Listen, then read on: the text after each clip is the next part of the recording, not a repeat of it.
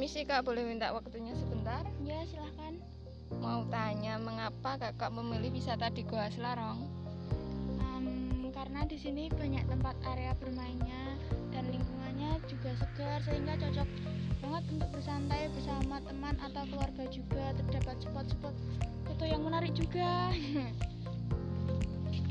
Oke kak, terima kasih atas waktu